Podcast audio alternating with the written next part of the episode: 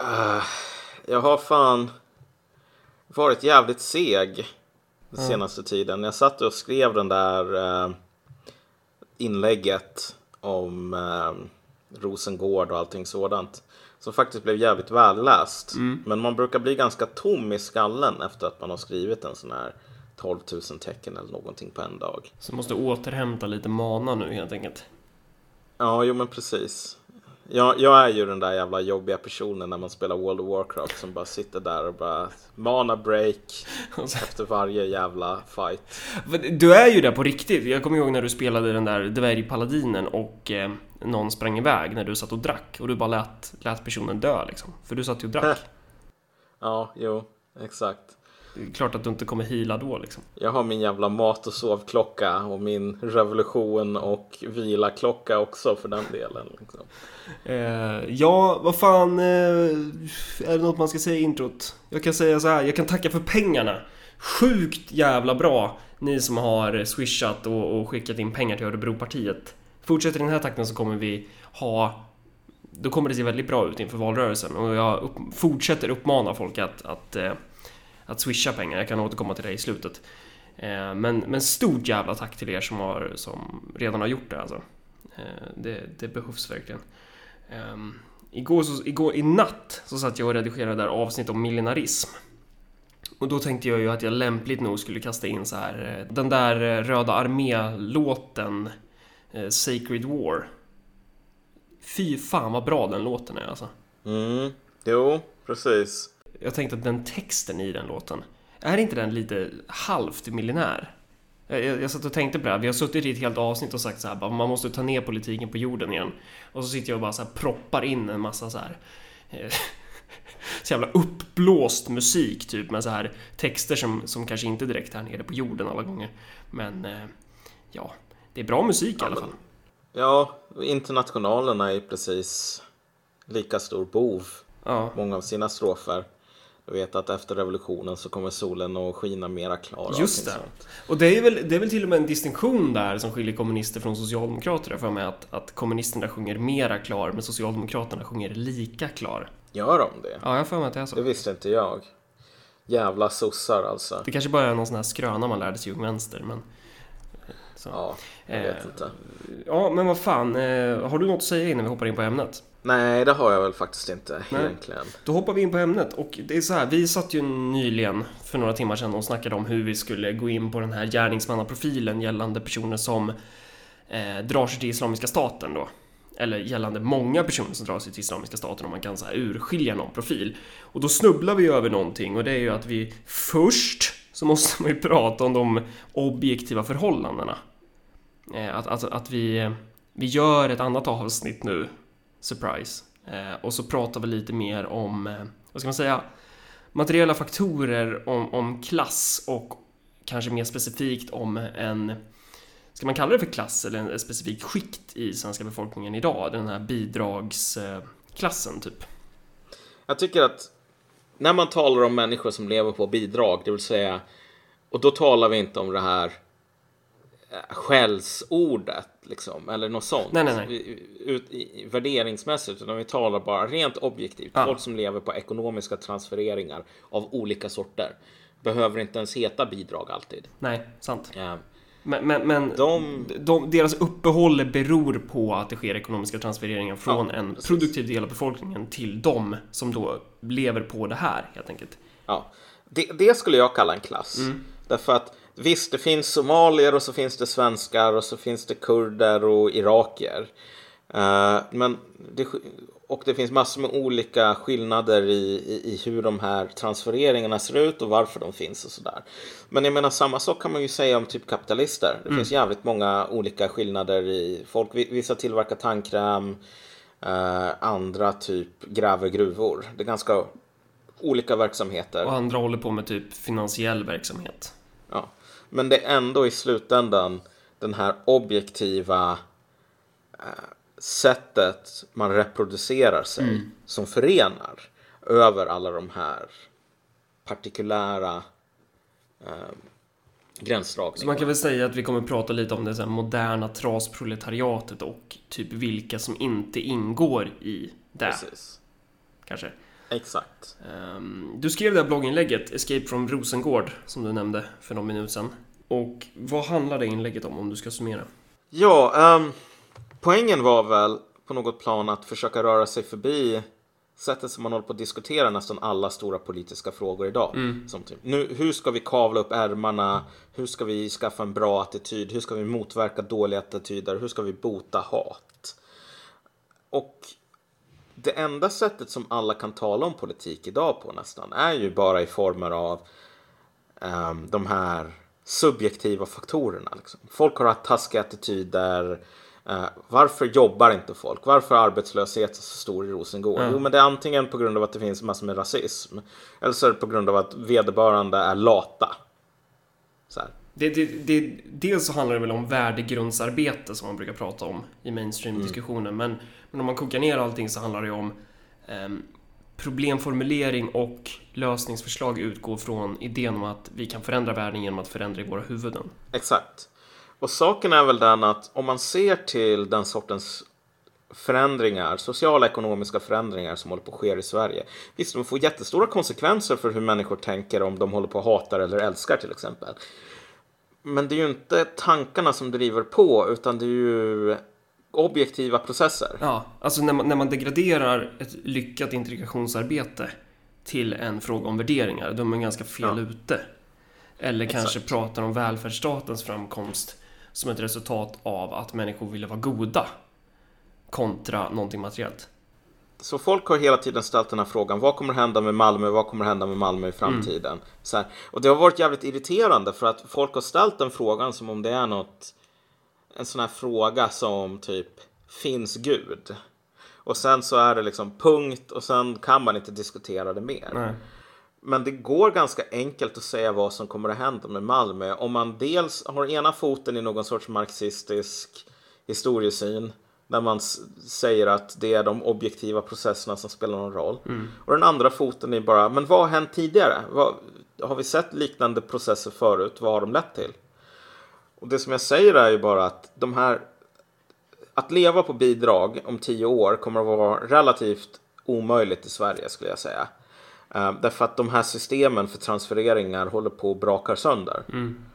Och de brakar inte sönder på grund av att svenskar har blivit hatiska utan de brakar sönder på grund av att det behövs kanske en, två personer i arbete för varje person som inte arbetar. Mm. Och där säger du någonting viktigt för att det där handlar ju då om objektiva materiella ja. faktorer. Det handlar inte om någon jävla värdegrundsarbete utan det är någonting strikt materiellt. Exakt. Alltså om man räknar till den arbetsföra befolkningen ungefär så behöver kanske en 65 procent av den eller 63 eller 60 eller 70 någonstans i det intervallet. Av den alltså arbetsföra, de som är kapabla att arbeta mm. i den åldern. För att kunna försörja um, alla andra så behövs en majoritet, en ganska stor majoritet av den arbetsföra befolkningen vara i arbete. Mm. Slog du Då till tänker micken som... nu? Ja, det råkade jag göra. Ja. Eller jag slog till bordet. Sorry. Kontrollera så att den är kanske på... ta om den där. Ja, kontrollera så att du har micken på samma ställe bara. Ja, det har jag. Uh, men det, som sagt, det, det, är inte en fråga om värderingar att det här transfereringssystemen som vi har är byggda på principen att kanske en 60 till 70 procent av den arbetsföra befolkningen måste arbeta för att kunna försörja de som inte arbetar i den arbetsföra befolkningen och barn, äldre, sjuka. Mm. Vad vi har gjort är ju bara att vi har tummat på det och tummat på det och tummat på det och så håller vi på att tumma på det ännu mer och sen till slut så kommer i nästa lågkonjunktur antagligen så kanske bara blir en 50 procent eller en 45. Och så där funkar ju välfärdsstaten. Att så här, ja. Anledningen till varför socialdemokratiska välfärdsstaten kunde fungera var ju för att man kunde ha jävligt många människor i arbete. Det vill säga jävligt många mm. människor i en produktiv sektor som genererar värde som man då kan transferera till de få personer som kommer leva på att få de ekonomiska transfereringarna till sig oavsett om det handlar om människor som är sjuka så att de inte kan arbeta eller personer som, jag vet inte vad, eh, vad det nu kan vara, som av olika anledningar inte arbetar. Men nu håller, ja, poängen är att den, den liksom balansen håller på att rubbas då, då. Det blir allt färre i den produktiva sektorn som kan då försörja de andra. Så det är väl ena benet här i, i, i artikeln. Den andra benet är ju att ganska många av dem som idag har någon sorts objektiv klassposition i att det lever på transfereringar. Mm. Ganska många av dem har det här problemet och i princip en majoritet skulle jag gissa av de som kom till Sverige nyligen, alltså syriska flyktingar och liknande, eh, tillhör alltså den här gruppen. En grupp som inte kan göras anställningsbara i, i praktiken i alla fall. Därför att för att en kapitalist ska kunna anställa en arbetare så måste det vara så att den här arbetaren producerar mervärde. Du måste inte bara producera mervärde genom sitt jobb, du måste producera mer än kostnaden för att reproducera den här arbetarens existens. Och det låter ju jätte jättekomplicerat, men, men det är egentligen så enkelt som att säga att man måste kunna tjäna pengar på de här människorna. När man drar ifrån alla kostnader för lön och skatt och liknande. Och du var ju i eh, Bamako, eller hur? Mm. Och så talade du med någon vaktmästare var det väl? Jo, precis. Eh, vaktmästaren hos oss där vi bodde i Bamako var ju... Han tjänade, jag tror, tror han tjänade 375 kronor i månaden. Ja, Eh, exakt. och, och det kunde ju han leva på. Eh, och det var ju många i Mali som tjänade ännu sämre. Eh, Ja. Men, men eh, jag menar vad fan, du kunde köpa en lunch i gatuköket för 1,50 liksom. Som du blir mätt på. Så att det, det, det går ju, men, men du skulle ju inte kunna göra det i Sverige. För att i Sverige så har du ju, Exakt. jag vet inte vad man ska hitta på för ord typ. Human upkeep om det skulle vara en SIV-term kanske. Men att så här, det är dyrare att leva och bo i Sverige. Det är dyrare att vara människa i Sverige. För att maten, eh, vad fan, 375 spänn, vad, vad räcker det till typ? Ja, det är inte mycket, det är bara några pizzor liksom. och en som man skulle leva på så här ris, couscous, ung vänstermat, så skulle det ju inte gå att överleva. Nej, det, det skulle inte ens räcka till kalorierna på en hel månad åt sig själv, Nej. antagligen. Ehm, kanske, kanske, om man hade riktigt jävla flyt. Ja. Men folk behöver inte bara kalorier, de behöver kläder och bostad och allting Mm, sådant. Och det är ju mer än så som behövs för att kunna fungera i produktionen i Sverige. Jag vet inte om, det, om vi ska ta det nu eller om vi kommer in på det sen, men just Vi de kan här komma in på det sen. ja, humankapitalet liksom. Kommer du ihåg den då? Jag skriver den någonstans. Eh. Så. Så, poängen är väl så här att, att en lön som man måste betala ut i Sverige idag för att vederbörande alltså ska kunna reproducera sin egen existens, med andra ord inte dö, är r- mycket hög i internationell jämförelse. Det är nog fler, ganska många tusen kronor per månad talar vi om. Som är någon sorts minimikostnad för att en person inte ska liksom spåra ur totalt. Ehm, och nu ligger ju så här socialbidrag som är tänkt att vara ganska lite pengar. Det är tänkt att vara någon sorts miniminivå. Det ligger ju på ganska många tusen kronor plus att man kan få tillägg och så vidare. Och det är ju ingen eh, som jag har träffat som menar att det är jätteflott med typ 7000 kronor totalt om man räknar in hyran så här per månad. Det är ganska mycket mer än 350 kronor eller typ 2 dollar om dagen som en stor del av jordens befolkning lever på. Så att det stora rävsaxen som ganska många människor, speciellt ny, nyanlända flyktingar, hamnar i. Det är att det är omöjligt för någon ur svenskt näringsliv att anställa dem utan att driva sig själva i konkurs. Det som man skulle behöva betala för att få eh, en lön som kanske skulle ligga i linje med deras produktivitet på den svenska arbetsmarknaden kanske skulle vara en 800 spänn i månaden eller någonting. Bara mellan tummen och fi- pekfingret. Men om 800 spänn i månaden inte räcker till för att man ska överleva. Ja, nej men alltså då finns det liksom ingen poäng. Nej. Ja, Varför är det här då viktigt? Om man då ska besvara en fråga som till exempel vilka personer är det som är som löper störst risk att gå med i, i Islamiska staten? Ehm, Mm. Då kan ju en grundläggande subfråga på det vara vilken klass tillhör de här människorna?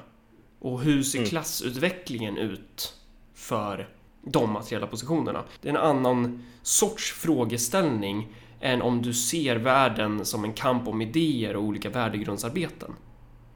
Exakt. Eh, och eh, om vi då ska gå in på den här klassen som vi på något sätt menar kommer kunna dra eh, där ganska många människor kan komma att dra sig till millinära eh, strömningar så är ju det den här försörjda bidragsklassen och här ska sägas att varken du eller jag har väl direkt full koll. Vi har inte tillräcklig koll på konkreta siffror.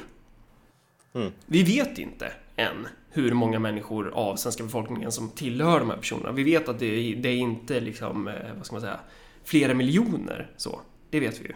Mm. Eh, Jag tror att det som man skulle behöva göra det är väl att gräva ner sig i statistik, ja men som Marx gjorde Ja. flera år.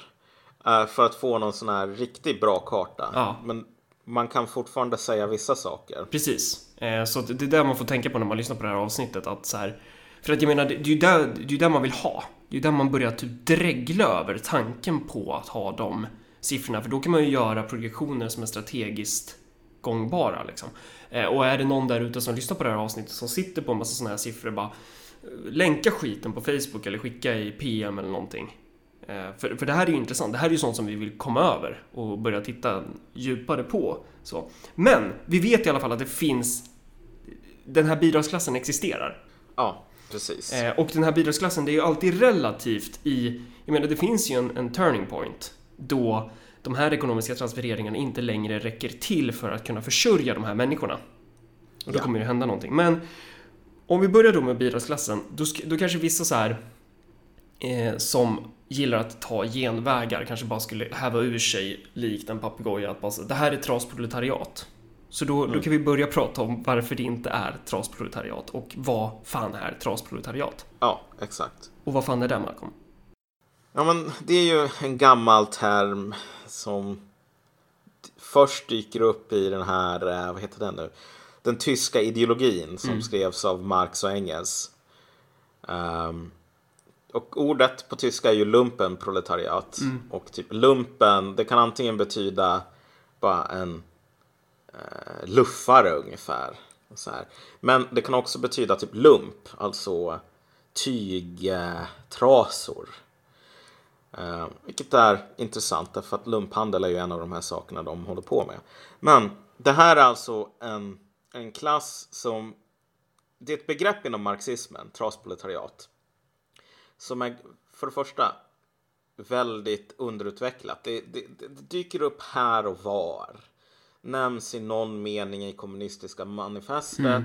Talas lite mer om i... Eh, ehm, Louis Bonapartes Aderton de Brumaire. eh, Sådär. Men det är alltså en slasktratt mer eller mindre. Alltså en slaskhink. En social ekonomisk slaskhink. Det är en, det är restklass, kan man säga. Ja, alltså de är, de exakt. är, det är ett socialt skikt på botten som inte har en direkt funktion i den huvudsakliga produktionen. Ja. Ehm, De är inte nödvändiga för den huvudsakliga produktionen egentligen. Nej, exakt. Då ska vi se. Jag har den här, eh, vad heter det nu? Jag har faktiskt Vissa skulle kunna argumentera för att trasproletariatet skulle kunna fungera som reservarmé i vissa tillfällen och det kanske stämmer, men i andra inte. Då ska vi se. Eh, jag kan ta det här citatet så att man får en, en, en bra idé om vad, vad trasproletar- trasproletariatet är i Marx mening. Då ska vi se här. Uh, utom av ru- ruinerade lebermän med tvetydiga existensmedel och tvetydig härkomst, utom av förkomna äventyrliga element från bourgeoisien, bestod denna förening av vagabonder, avskedade soldater, frigivna förbrytare, förrymda tukthusfångare, skojare, bedragare, lasaroner, ficktjuvar, taskspelare, falks, falskspelare, sutenörer, bordellvärdar, bärare, litteratörer, positivhalare, lumpsamlare, skärslipare, kittelflickare, tiggare. Kort sagt, hela den obestämda, brokiga, kringstrykande massa som fransmännen kallar la boheme. Eh, Så att det första som man märker i den här utläggningen det är ju att den är jävligt lång. Och sen att det är, till, det är ganska många människor som sysslar med ganska olika saker. Typ. Så det, det, Någon som... Ja, ja, men det, det man kan säga att de har gemensamt, alltså de, är- de, de är ju helt skilda i många aspekter, men det de har gemensamt är då egentligen vad de inte är. ja. De är inte en del av... Alltså, de produktiva klasserna. Nej. De är inte någonting som behövs i samhället. Alltså, i det framväxande industriella kapitalistiska samhället som Marx skissar upp. Det finns bönder. Bönder är jävligt nödvändiga. Det finns kapitalister och kapitalister fyller en samhällsfunktion. Mm. Man kan tycka att den här samhällsfunktionen är dålig. Men det är en samhällsfunktion. Um, och arbetare är ju ganska uppenbarligen någonting som behövs. Ja. Det är jävligt svårt att se vad, hur ett samhälle skulle kunna fungera utan bönder eller arbetare. Mm. Och det är svårt att se hur just det här samhället skulle kunna fungera utan kapitalister. Men det är inte svårt att se hur det här samhället skulle kunna fungera utan ficktjuvar. Det är jävligt enkelt att föreställa sig. Det skulle fortsätta ungefär som vanligt. I trotsproletariatet så kan man väl säga att det finns, man kan dela upp lite olika kategorier. Dels finns det ju personer som är skadliga, alltså direkt parasitära. Sen mm. finns det personer som kanske eh, tjänar sitt uppehälle, lever genom att bara vara självbrukande på något sätt. Mm. Eh, och sen så finns det väl personer som eh, gör någon slags, håller på med återvinning, typ. Ja. Om man ska ta exempel på de här tre då. Skadliga parasitära, det är väl direkt kriminella människor. Ja, precis. Som plågar andra människor genom sättet de lever på. Mm. Eh, de är problem, de kostar pengar, de ställer till med jävla massa oreda. Ehm, och de här som bara lever den här delen av trotsproletariatet som är liksom självförsörjande, vad, vad, kan det vara? De bor i en koja ute i skogen och odlar potatis liksom. Eller vadå? Ja, precis. Eller så håller de på dumpster diver fast inte för att det är trendigt. Mm. Så. Och sen så finns det väl människor som sysslar med så här metallstölder men också typ ibland metallåtervinning. Mm. Man hittar grejer som någon har kastat bort som man kan få en femma eller tia för. Och det skulle ju någon kunna säga då, ja men då fyller de en funktion i produktionen. Och ja, i, i den meningen gör de ju det, men det är ju inte en nödvändig äh, funktion. Nej. Det är ju inte någonting som gör att kapitalistiska produktionen skulle gå under bara för att eh, någon person på soptippen i, i Dumanzana i Bamako inte går omkring och samlar in pantburkar. Exakt. Precis. Och, och anledningen till att man kan ta de här tre exemplen på, på olika ekonomiska positioner mm. är ju att det, det, illustrerar ju att du kan vara med i trasproletariatet ändå oavsett om du håller på med ekonomisk parasitism eller någon sorts subsistensbruk eller eh, någonting som är jävligt mycket svårare att definiera, typ prostitution till exempel. Mm.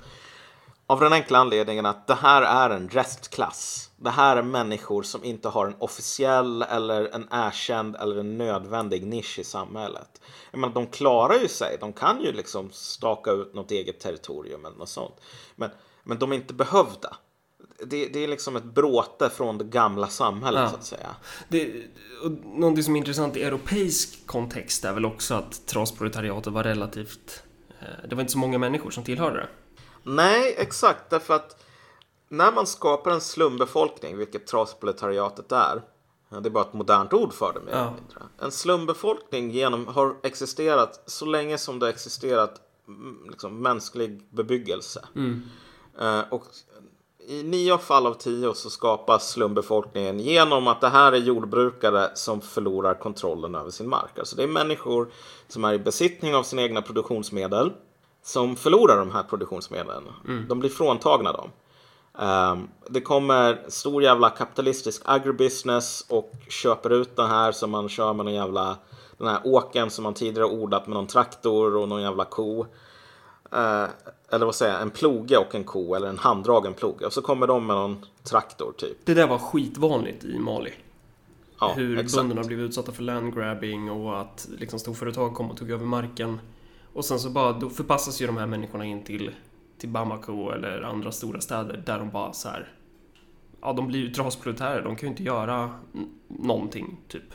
Nej, exakt.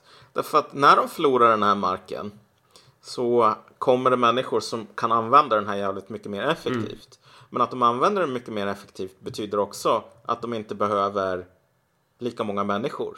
Vilket betyder att de här människorna blir ekonomiskt överflödiga. Så liksom de som bor i slummen i Bamako som för ett par generationer sedan var just bönder. Mm. Alltså, Mali skulle inte må sämre ekonomiskt om alla de dog. Typ. Det är just det som är grejen med trasproletariat. Mm. Alltså, det är människor som inte är exploaterade därför att det är ingen som vill exploatera dem. De har ingenting att erbjuda ens en exploatör. Exakt, och det är det man ska komma ihåg i just exploateringen att kapitalisterna exploaterar ju bara där det finns något att exploatera. Exakt. Det här är människor som har fråntagit sin ekonomiska, alltså, vad ska man säga? De har inget eh, existensberättigande rent ekonomiskt. Men återigen Men... kan man ju också poängtera då, för att det är ju där man kommer få kastat emot sig. Det är ju det här med reservarmé, att även personer ur trasproletariatet kan ju under vissa bestämda förhållanden kunna gå in och ta andra personers platser. Det var väl mm. vanligt med strejkbryteri till exempel eh, från eh, trasproletärer. Mm. Ja och nej. Jag menar, i slutändan så är det väl så att det är inte så direkt att du ser, eh, vad jag vet i alla fall. Uh, nu var det ett tag sedan som jag läste några empiriska studier på det här. Men alltså i de här områdena där du har gigantiska slumområden, kåkstäder och liknande. Det är inte som att de här människorna sitter på standby för att eh, hyra sig in till varvet eller någonting. Nej, men det är ju fortfarande, alltså om du skulle erbjuda många personer i en sån situation alltså om, om det är en, en fördelaktig situation så är det många människor som skulle ta den. Det finns arbetslösa utanför kåkstäder. Mm. Eh, och det är ju de som man går till i första hand. Ja, givetvis.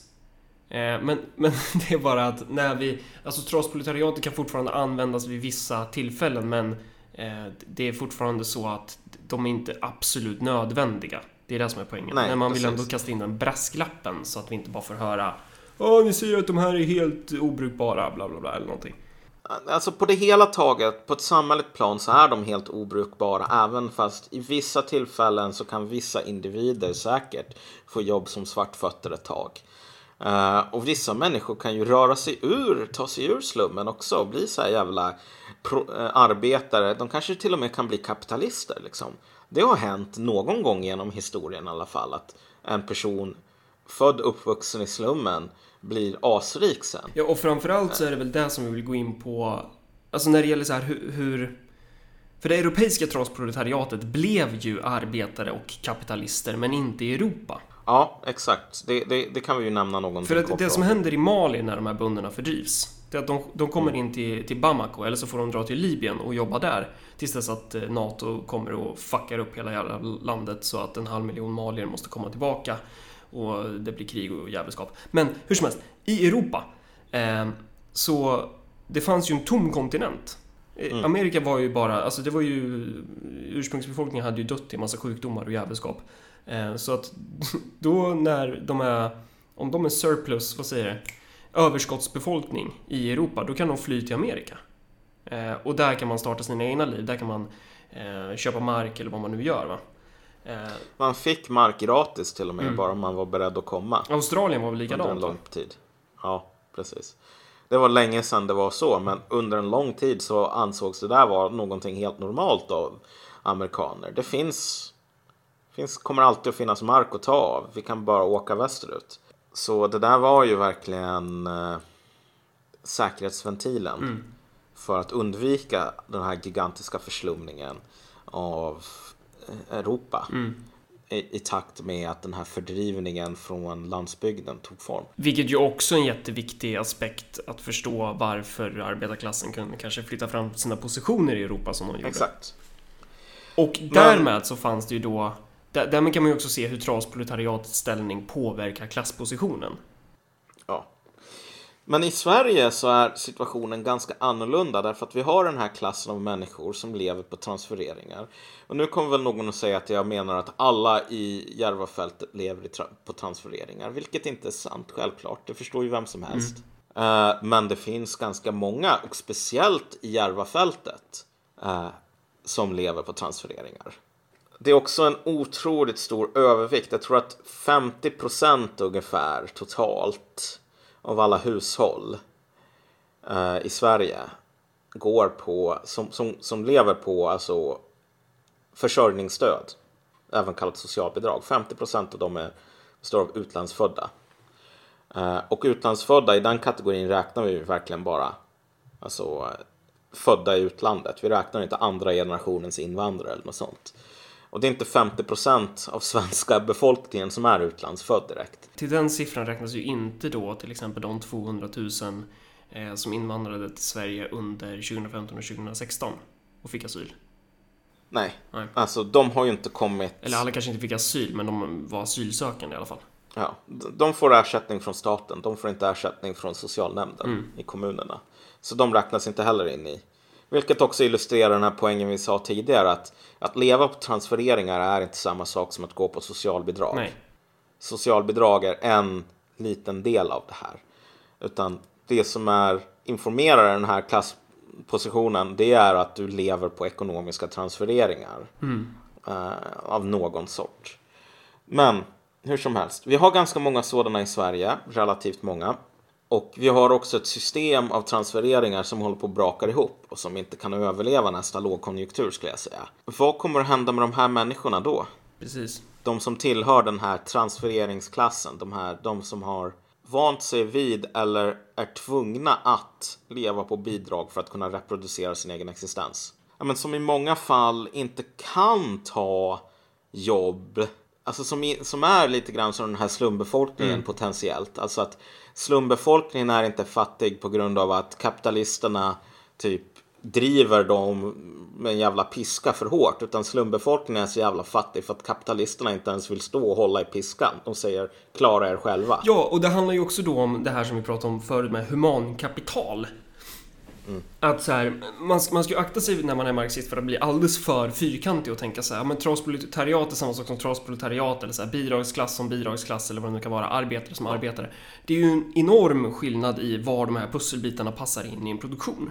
Och om ja, du då exakt. har personer som är ett, analfabeter, två, de, de, de kan inte svenska liksom. De kanske skulle ta i omvänd ordning. De kan, inte, de kan inte ens prata språket, de kan inte heller läsa språket. De är så här... Eh, de har inte de kriterier som svensk produktion, alltså Sverige som del i den globala produktionen, den sortens produktion som, som, som vi bedriver här. Alltså de kriterier mm. som efterfrågas i den produktionen. De har inte de kriterierna. Kontra då någon person som kanske är, eh, jag vet inte, Eh, som kan det svenska språket och som kan, kan läsa. Eller, alltså det, det är en skillnad däremellan. Liksom. Mm. Och, och, och, det, är inte, det är inte en skillnad som man, som man kan bortse, absolut inte om, om man hävdar att man är marxist. Hur fan kan man göra det? Alltså det, det, det är helt absurt. Skillnaden ligger ju i att det finns människor som är arbetarklass eller som kan leva på a-kassa eller bidrag. Och sen så kommer de att sålla sig till arbetarklassen. De kommer att kunna göra det. Uh, därför att det kommer att finnas en kapitalist som säger Hej, jag tänker exploatera dig. Ja. Jag tänker ta ditt jävla arbete. Och sen tänker jag plocka en stor jävla bit av kakan av ditt jobb mm. och lägga det i egen ficka. Det finns ingen sådan person. Alltså om det inte finns en sådan kapitalist mm. som är beredd att säga det till dig, då kan du inte vara arbetarklass. Nej. Du kan vara en slumbefolkning, men du kan inte vara en arbetarklass. Och de arbeten man skulle kunna göra, ja det är precis som du var inne på, men det är ju så här arbeten som Ja men sophämtare skulle det kunna vara. Till exempel. Ja, jo men precis. I någon mån för vissa. Ja. Men, men ganska många skulle kunna vara vaktmästare i typ Libyen till exempel. Och så skulle de kunna få en lön på 400 spänn. Och då skulle det kunna finnas en jävla Eh, nordafrikansk kapitalist som säger jag är beredd att exploatera dig. Libyen lovar ju att de hade tjänat mer än i Mali dock, men ja. ja. Precis, men, men, men, men min poäng kvarstår. Ja. I, på andra delar, I andra delar av världen så skulle deras produktivitet vara helt okej okay i relation till den kostnaden en kapitalist måste betala mm. för att den här personen inte ska kunna svälta ihjäl. Um, I Sverige så är den kostnaden så ofantligt mycket högre så att man måste ställa högre krav. Och om man inte kan leva upp till de kraven, ja då kan man leva på bidrag. Och vad händer när bidragen tar slut? Ja, då blir man ju trasproletär. Exakt. Någonting Det är något stort på gång med våra vänner. Det är Marcus och Malcolms podd Så de trasproletärer som vi har i Sverige idag, och det här är ju någonting som, en poäng som har flugit över huvudet för ganska många, verkar det som. Det är att det är marockanska gatubarn. Det är de här nioåringarna som rånar pensionärer och så vidare. Och det är de här afghanerna som sover i kulvertar och tunnlar i Uppsala. Och sen typ rånar pensionärer för att ha råd med nästa dagsdos heroin. Det är trasproletärer. Det är människor som inte har någon sån här erkänd eller accepterad plats i systemet. Och det är människor som behöver göra vad, vad, vad det än är som krävs. De är extremt utanför. Ja, precis. Och i det avsnittet som kommer komma innan det här avsnittet, det handlar ju om millenarism. Och Ja. där pratade vi om till exempel det här Taiping-upproret, att det var ju väldigt många bönder som hade fördrivits från marken. Alltså deras... Ja. Eh, mattan för tillvaron hade ju ryckts undan. Ja. Eh, och här kommer man väl se ungefär liknande möjligheter för millenarism att blomstra på något sätt. Exakt. Och då är ju frågan, vad, vad fan... Det här blir ju intressant. vad gör man med de här människorna? Ehm, ja, alltså, kolla, vad som kommer att hända. Och det här är det som gör att det är, finns en, en rät linje man kan dra från att tala om millenarism till att tala om trasproletariat.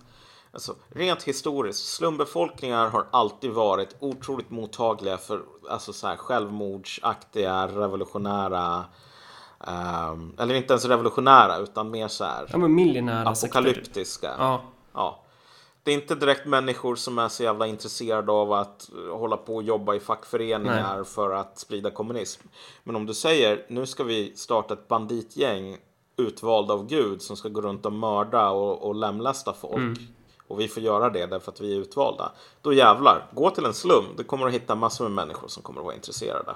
Och som sagt, vi har människor i Sverige som inte kan reproducera sin existens annat än genom ekonomiska transfereringar. Och vi har ett system av ekonomiska transfereringar som inte kan överleva så jävla många år till därför att i den här otroliga godheten till skillnad från fascister som du och jag, Marcus, här äckliga strasserister och nazister, så har de här människorna sagt att vi behöver inte se till så att de, de här människorna som lever på transfereringar ska kunna fortsätta leva på dem. Vi kan egentligen ösa in fler och fler människor som behöver omfördelas till. Och sen ställa allt högre och högre krav på de som ska omfördelas från. Vilka av praktiska och politiska skäl alltid blir svenska arbetare i slutändan. Så att man har, ju, man har ju bäddat för att det här systemet ska gå sönder. Och det som kommer att hända då, det är så här, kolla. Nu kanske jag säger någonting jävligt kontroversiellt här. Men varför finns det marockanska gatubarn? Svaret är inte att folk i Marocko är någon jävla oga-boga människor typ. Svaret är att det finns mammor som föder barn som man inte har någon som helst förmåga att eh, ta hand om. Mm. Och sen så finns det ju också så mammor som lever på gatan själv och sen blir mördade eller dör av en överdos och sen så blir barnen övergivna. Ehm, så att det är inte på grund av en sån här stor moralisk liksom, misslyckande hos Marockos befolkning. det är inte en fråga om misslyckat värdegrundsarbete i Marocko helt enkelt. Exakt. Och jag skulle nog säga så här. Det här är min gissning. Och ni får kalla mig pessimist om, om ni vill. Eller någon jävla strasserist. Eller vad fan det nu är. Mm, marxist kanske. Men jag, sk- jag skulle tro att det finns jävligt många barn i Sverige som skulle bli utsläppta på gatan, utsparkade på gatan den dagen som det slutades betala ut barnbidrag och socialbidrag och allt det där. Alltså, inte på grund av att de här föräldrarna är hemskare än föräldrar i Marocko. De är inte bättre än föräldrar i Marocko heller. Det är bara det att när förutsättningarna för att ta hand om de här människorna sinar, då kommer du att se gatubarn som inte är importerade om vi säger så. Och det kommer inte att vara i, det kommer inte att vara i Askim som du ser dem direkt. Det kommer inte att vara i Djursholm. Det, det uttalas Askim. Askim, okej förlåt. Men, Jävla göteborgare alltså. ja. Ehm, men någonting som man gärna vill kasta i ansiktet på oss så fort vi pratar om att eh, så här, att, att invandring, det, det är relevant att prata om invandring. Så, det är ju liksom den, de här intränade lätena. Som till exempel internationell solidaritet, arbetarklassens och allt vad det är. Typ att man, man kan prata om hur... Eh, ja men det är ju sånt, det är ju sånt idioter kastar på oss typ. Och man skulle väl kunna prata lite om liksom, hur Lenin såg på integration till exempel. För han menade ju på att ja, men kulturella och etniska skiljelinjer, det kommer ju att utraderas. Eh, och det är någonting genuint bra att det gör. Men sättet som, som man såg på att det skulle utraderas, det var väl mer att kapitalismen skulle göra jobbet på något sätt. Eh, för att, för att man, man skulle låta produktionens kvarnar mala. Att så här, oavsett vilken jävla folkgrupp du tillhör så ska du in i fabriken. Och på, på fabriksgolvet då kommer dina kulturella och etniska skiljelinjer inte spela samma sorts roll längre. Du kommer att, att malas ner till en, en, en proletär bland andra.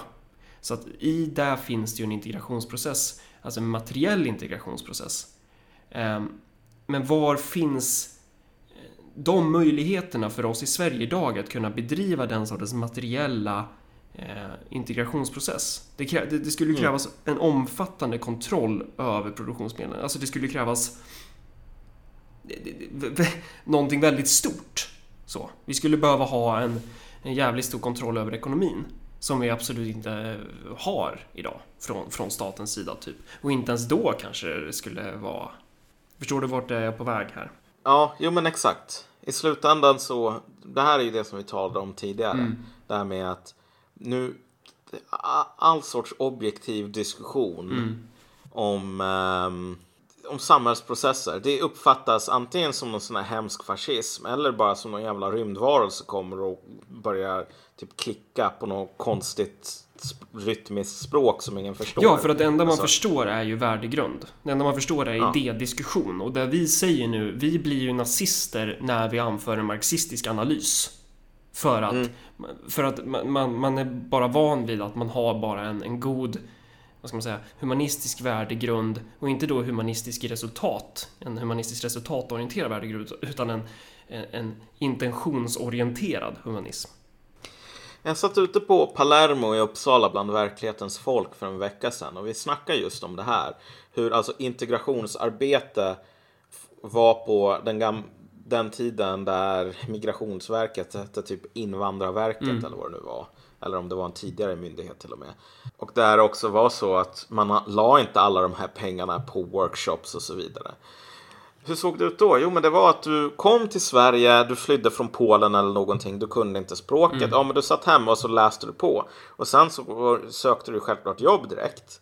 Så fick du ett jobb med någon sån här jävla pappers... Eh, på något pappersbruk eller någonting sådant. Och så hittade de den här arbetaren i skiftet som talade bäst engelska. Och så sa man, följ med den här arbetaren, han kommer att visa dig hur man gör. That's it.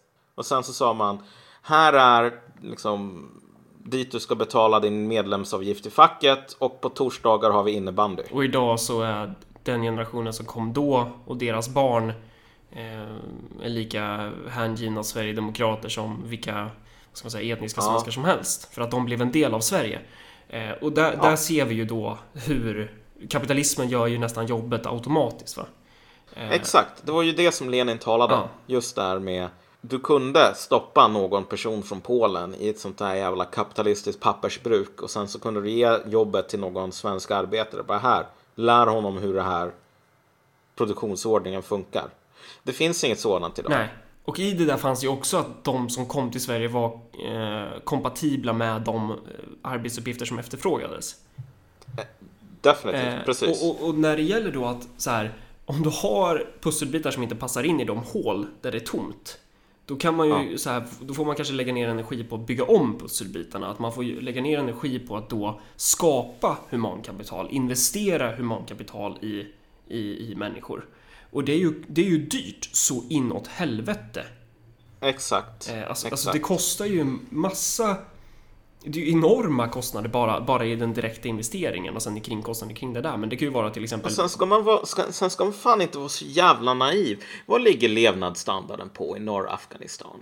Ja, den är lägre Om jag, Sverige. kom till, ja, om jag kom till Sverige och så fick jag ett jävla val. Antingen så kan jag få en 7000 eller 8000 kronor i månaden utan att jobba någonting alls. Eller ska jag få 7000 och 8000 kronor i månaden och vara tvungen att skrapa tuggummin från trottoarkanten? Jag är fan ganska säker på att en hel del människor skulle vara kapabla att välja det förstnämnda.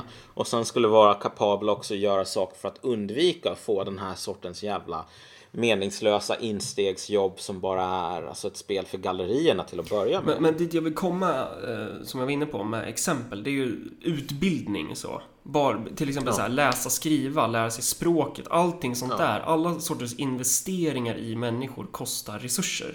Eh, Det måste också finansieras genom Ja, transfereringar. det behöver inte vara fel att man gör det. Men man ska komma ihåg att det kostar. Och det är det som är så fascinerande hur... Eh, det finns ju väldigt få kommunister i Sverige liksom. Men, men de få marxister och kommunister... Vi borde ägt invandringsfrågan från början. Vi, det är ju vi som borde varit där och dels pratat om så här, behovet av att, eh, av, att av att ta bort kulturer, typ. Av att, av att skapa en, en, en kulturell syntes, typ. Eller, eller driva en stark assimilationspolitik. Det borde ju varit vi som, som, som skulle stått där från början. Eh, vi borde varit de som så här poängterat när de här idiotiska liberalerna bara ryckte på axlarna. Och bara sa så här, ja låt gå.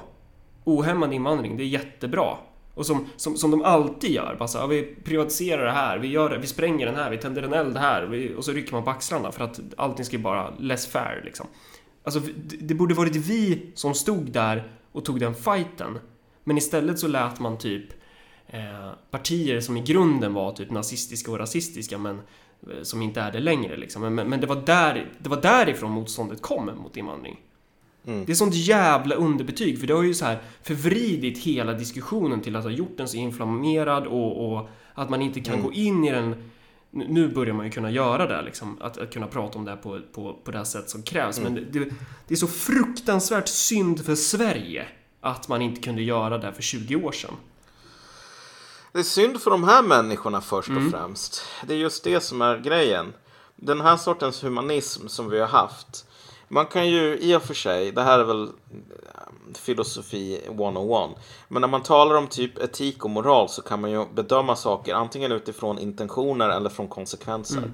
Från intentioner så kan vi väl säga att dagens vänster och dagens liberaler, de är fan de finaste människorna som Mm. någonsin har funnits. Direkt intentionsorienterad humanism. Ja, ur en resultatsbemärkelse. Mm. Det här, de här människorna är en jävla hycklande katastrof. Ja. Kolla, min poäng här är inte ens ut med folk som lever på bidrag. Liksom, vi ska vara som i Sparta, filmen 300. Mm. Där kastar man svaga barn ut för klippor för att det är ballt. Mm. Utan om du säger så här, typ jag drivs av den här fina humanismen. Jag tycker att människor ska få leva på bidrag. Jag tycker att det är någonting ganska bra. Vad fan, du måste ju liksom, du måste ju ta det du själv säger på allvar då och se till så att de här människorna kan fortsätta göra det. Vad vi har gjort är ju att vi har kraschat de här förmågan att typ leva, att finansiera de här transfereringarna, både praktiskt men sen också politiskt. Du, du, du har ju läst de här grejerna i hatmedia, nyheter idag om de här, ehm, eh, vad är det, när man är tvungen att ha poliser med typ k-pistar utanför eh, akutmottagningarna.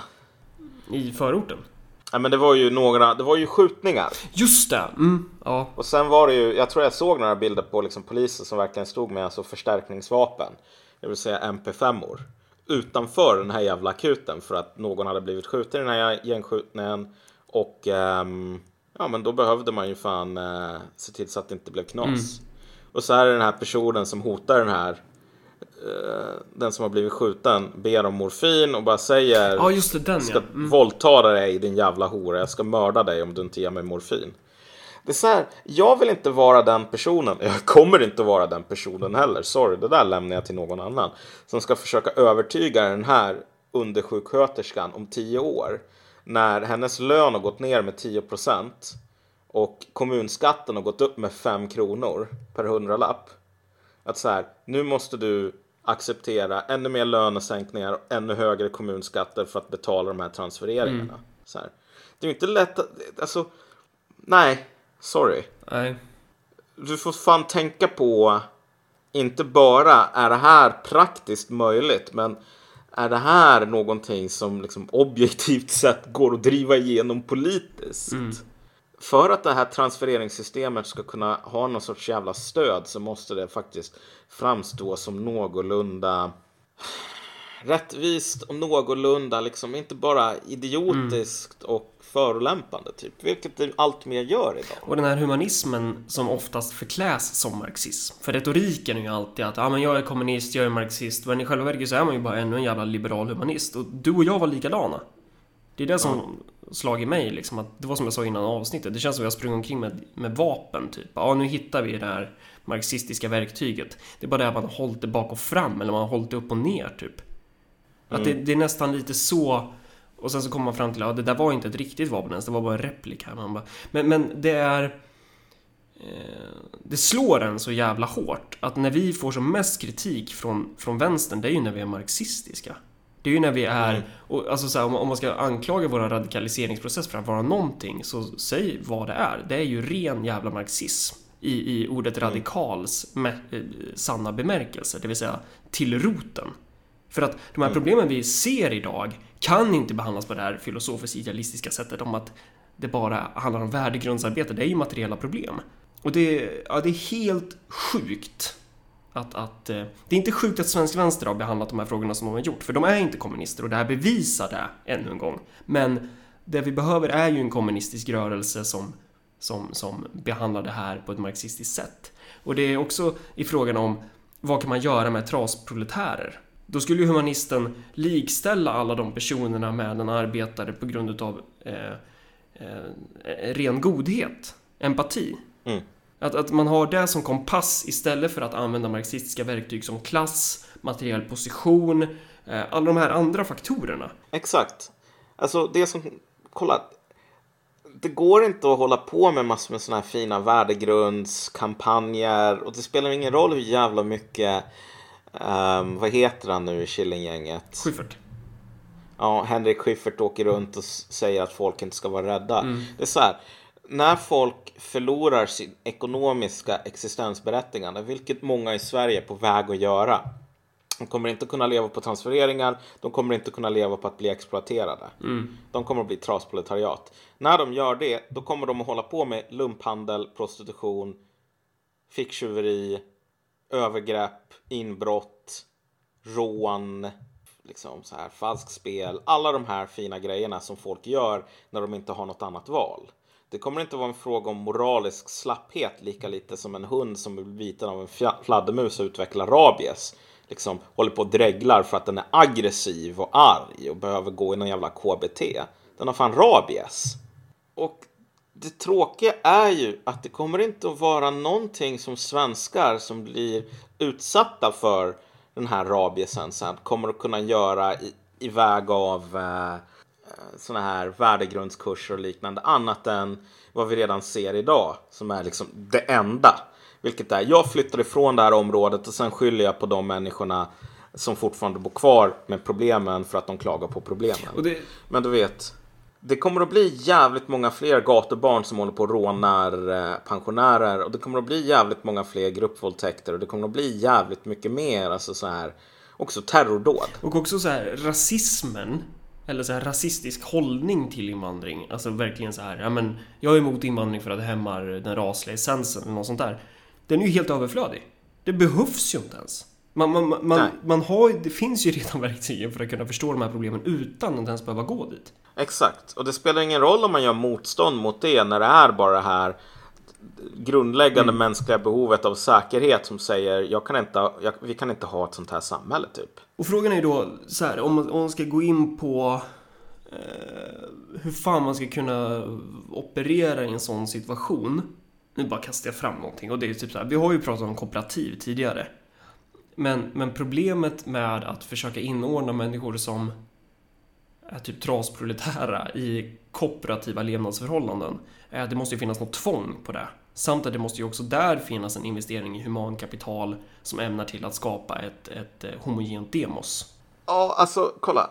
en av de sakerna som man verkligen kan säga om Marx och Engels det är att de sa lita aldrig på trasproletariatet. Alltså du kommer att ångra dig sekunden som du gör det. Eh, och jag menar nu, de hade rätt. Jag tycker alla erfarenheter sedan dess har visat att de hade fan rätt. Och det var ju inte egentligen några så insikter som var så här sjukt nya eller revolutionerande på deras tid. Det mesta av det som är bra i marxismen var inte någonting som Marx spånade fram utan som hade utvecklats genom flera tusen år av mänsklig historia. Liksom. Men, men så här, trasproletariat, det är fan inte människor att lita på.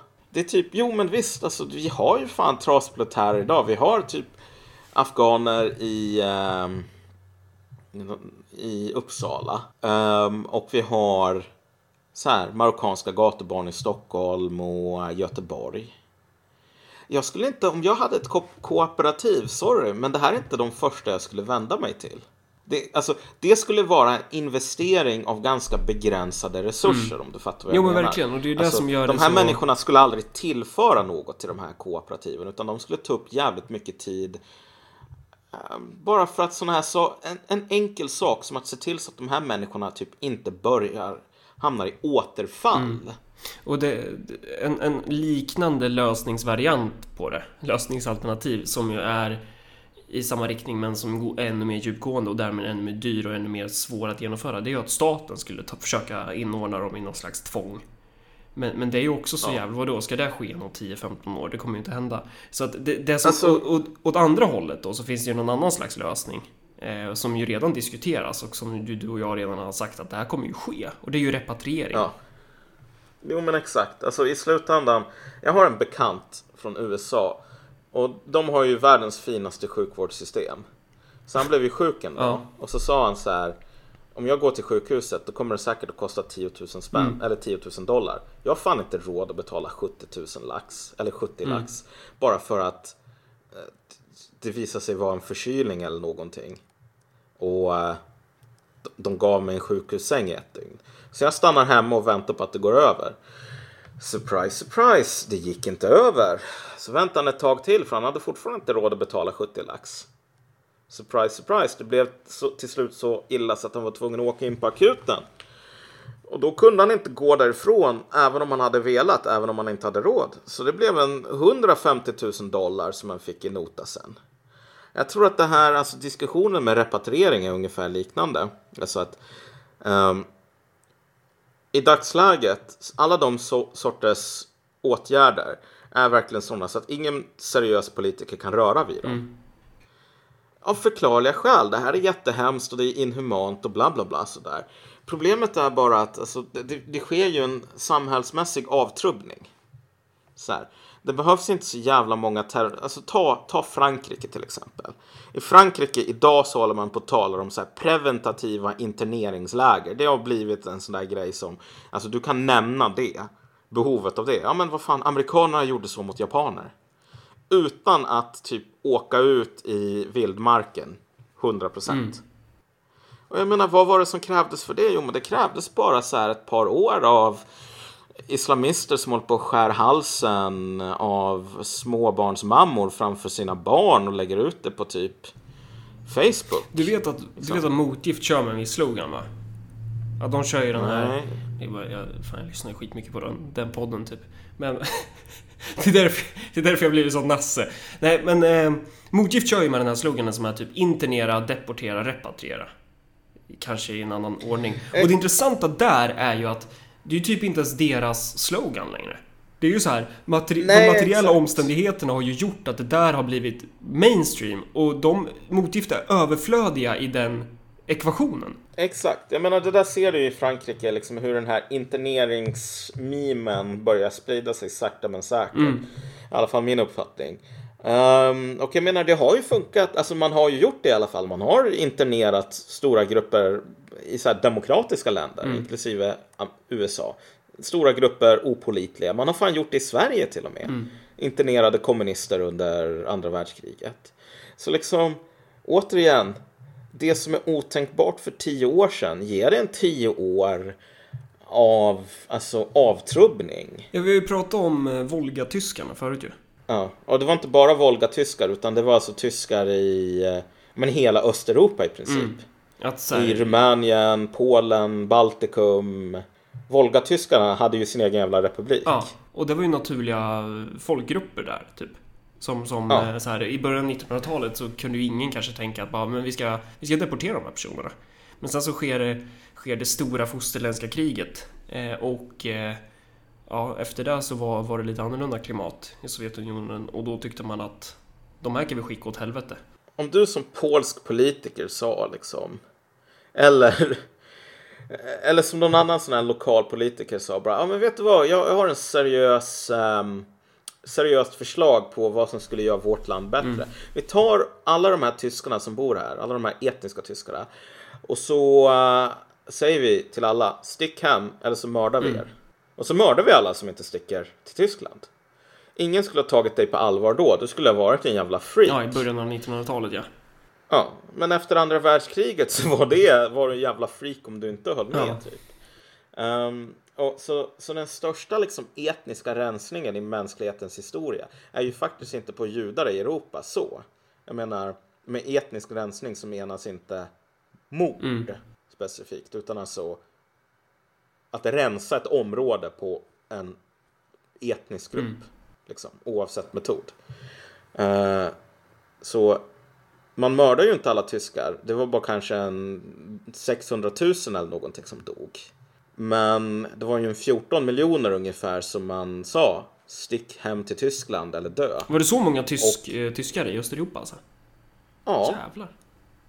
det, alltså för Tyskland var ju det här nationen som var en nation flera hundra år innan det var ett land. Ja, precis. Det... Så det fanns ju massor med etniska tyskar runt om i hela Europa. Eh, som hade sina små enklaver och som liksom levde. De, de levde för sig själva. Eh, De var överlag liksom inte så här parasitära så. Utan de hade ju ofta så här, högre positioner inom handel eller någonting som de nästan Och monopoliserade. där har vi förklaringen till varför tyskarna har plus 7 mot City States i Civilization 6. Exakt. Det är fan det som är förklaringen, Marcus. Eh, Men som sagt, många av de här tyskarna hade aldrig ens varit i Tyskland. Och så blir de tillsagda, tillsagda stick hem. Eller dö. Det är inte någon större skillnad mellan många av dem i Rosengård som aldrig har varit i Irak. Men om man var kapabel att göra så mot tyskar i Europa så ska man inte underskatta förmågan att göra så mot iraker Nej. till exempel. För att så fort, alltså när fler terrordåd sker, när ehm, försörjningar dras in, alltså den här ventilen som, som har varit som en låsning mot vissa sorters politiska reformer, den sprängs bort. Exakt. Så som sagt, jag tror att det som kommer att hända det är att det blir den här sjukhusnotan på 150 000 dollar. För att man inte vill betala sjukhusnotan för 10 000 dollar. De sakerna som man skulle kunna göra idag, de är för hemska. Så därför ska man göra saker som är ungefär 100 gånger hemskare. När man inte längre har något val. När så här, den här blodförgiftningen har spridit sig så mycket som man måste såga av benet eller dö. Så jag menar, det här är ju det som är det roliga. Det är ju tur att man inte är med i vänstern längre. För typ, här valde man att satsa på en hand, vilket typ mer eller mindre är att sandbaga svensk arbetarklass. Och sen hålla på komma med massor med idiotiska folkuppfostringskampanjer till just denna arbetarklass. Typ, ni är dumma rasister, fuck you, dra åt helvete, vita kränkta män. Och vad som, och vad som är värst är att man gjorde det i kommunismens namn. Ja, men sen, vilka är det som man gör det här för? Ja. Liksom, till vems gagn? Det här är fram Sveriges framtida trasproletariat. Det här är inte människor som kommer att rösta på Vänsterpartiet. Nej. Milt uttryckt. De- Det här är inte de människorna du vill vara kompis med, typ. Ehm, så att, nej, man har fan ställt till det ganska mycket för sig själv, ska jag nog säga. Men som sagt, som man bäddar får man ligga. Man får fan stå sitt jävla tärningskast. Och, Eh, och det är inte vårt problem längre. fast det är ju vårt De, problem. Eh, det, det, blir, det är ju allas problem i Sverige att, att det här har hänt typ. Och vi var ju till och med Alltså jag vet ju själv, jag har ju stått där själv och viftat med den här jävla replikan och trott att det där var Det här är ju korrekt analys typ. Och insett i efterhand bara Fan vad dum i huvudet man är. Men det är ju det som händer när man örfilas ut i kylan och måste bygga saker i praktiken från, från grunden. Ja. Man måste börja så här tänka lite längre än det som den här millinära, eh, ljumna tryggheten i träsket erbjöd. Ja, eh, men då har vi pratat lite om, vi har snackat lite klass. Exakt, och det kanske känns som jättekonstigt. Varför talar man inte om dåliga kvinnoattityder Ja. eller något sånt när man diskuterar IS-terrorister? Men som sagt, Vi är ju en kommunistisk podcast och en marxistisk podcast, inte en vänsterpodd. exakt. Och man måste fan ha koll på vilka olika rekryteringsbaser som de olika samhällsklasserna gör för den här sortens millenära Mm. våld. Och där skulle jag nog säga att vi kommer att tala mer om dem som de här rekryterna från den här alienerade eh, grupperna människor i Järvafältet och Vivalla och så vidare i nästa avsnitt. Men nu har vi talat om de framtida rekryterna från den framtida svenska trasproletära klassen. Eh, Och eh, det är inte säkert att det blir just nästa avsnitt, för man vet ju aldrig med dig och mig. Det kan ju hända någonting Ja. som vi måste... Inte, någon, någon regeringskris eller vad fan det nu kan vara.